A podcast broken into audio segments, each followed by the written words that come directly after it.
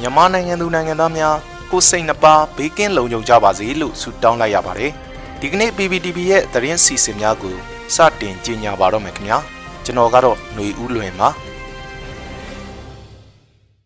ဂျပန်အောက်လွှတ်တော်ရဲ့မြန်မာနိုင်ငံအတွင်းစစ်အာဏာသိမ်းမှုကိုစန့်ကျင်ရှုတ်ချကြောင်းဆုံးဖြတ်ချက်အပေါ်ပြည်ထောင်စုလွှတ်တော်ကိုစားပြုကော်မတီကအတိအမှတ်ပြုကျေးဇူးတင်ကြောင်းစာပေးပို့တဲ့သတင်းကိုတင်ဆက်သွားပါမယ်။ဂျပန်အောက်လွှတ်တော်ရဲ့မြန်မာနိုင်ငံအတွင်းစစ်အာဏာသိမ်းမှုကိုစန့်ကျင်ရှုတ်ချကြောင်းဆုံးဖြတ်ချက်အပေါ်ပြည်ထောင်စုလွှတ်တော်ကိုစားပြုကော်မတီကအတိအမှတ်ပြုကျေးဇူးတင်ကြောင်းစာထုတ်ပြန်ခဲ့ပါတယ်။ အဆိုပါပေးပို့စာမှာဂျပန်နိုင်ငံအောက်လွှတ်တော်မှမြန်မာနိုင်ငံအတွင်းစစ်အာဏာသိမ်းမှုကိုစန့်ကျင်ရှုတ်ချပြီးဒီမိုကရေစီပြန်လည်ရရှိရေးအတွက်တိုက်တွန်းနှိုးဆော်ကြောင်းဆုံးဖြတ်ချက်ချမှတ်ခဲ့တဲ့အတွက်ကျွန်ုပ်တို့ CRPH အနေနဲ့အတိအမှတ်ပြုကျေးဇူးတင်ရှိကြောင်း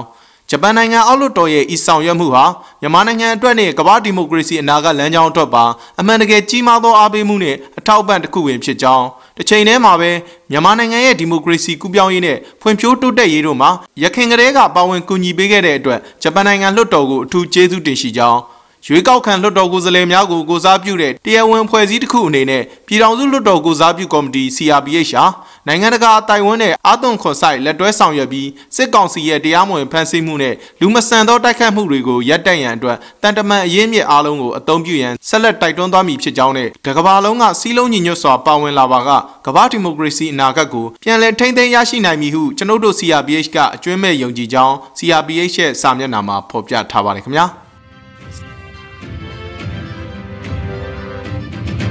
ဆက်လက်ပြီးကမ္ဘာလုံးဆိုင်ရာမြမနွေဦးတော်လန်ရေးနေများကိုကျင်းပသွားမယ့်သတင်းကိုတင်ဆက်သွားပါမယ်။ကမ္ဘာလုံးဆိုင်ရာမြမနွေဦးတော်လန်ရေးရတရပတ်အဖြစ်ဒီနေ့ဂျွန်12ရက်နဲ့13ရက်နေ့တို့မှာမြန်မာ United States, United Kingdom, Italy, Germany, Japan, Korea, Belgium, Australia, Netherlands, Canada, France, Finland, Norway, Ireland, Czech Republic, Denmark, Sweden, Australia, Israel နဲ့ New Zealand နိုင်ငံတို့မှာအနီရောင်ခေါင်းစည်းအဖြူရောင်တီရှပ်သို့မဟုတ်တိုင်းရင်းသားဝတ်စုံကိုဗစ်ကာကွယ်ရေးနှာခေါင်းစည်းတို့ဝတ်ဆင်စုယုံကအကြမ်းဖက်စစ်အာဏာရှင်ပြုတ်ကျရေးလှုပ်ရှားမှုများပြုလုပ်သွားမယ်လို့သိရပါတယ်။ကမ္ဘာလုံးဆိုင်ရာຫນွေဦးတော်လှန်ရေးလှုပ်ရှားမှုများကိုပြီးခဲ့တဲ့မေလ၁ရက်နေ့နဲ့၂ရက်နေ့ကလည်းမြန်မာနိုင်ငံအပါအဝင်နိုင်ငံပေါင်း30ကျော်မှာတပြိုင်တည်းလှုပ်ရှားခဲ့ကြပါသေးတယ်။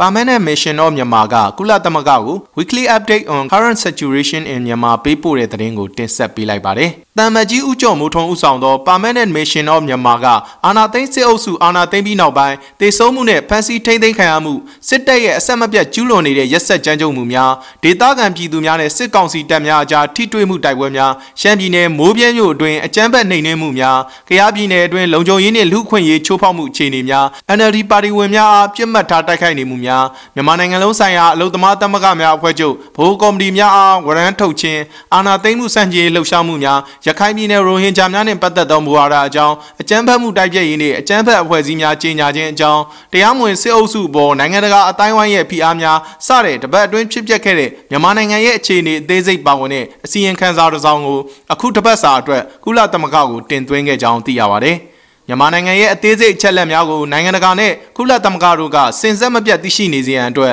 နောက်ဆုံးရအချက်လက်များကိုစင်စက်မပြတ်ပေးပို့လျက်ရှိကြောင်းလည်းသိရပါတယ်ခင်ဗျာ။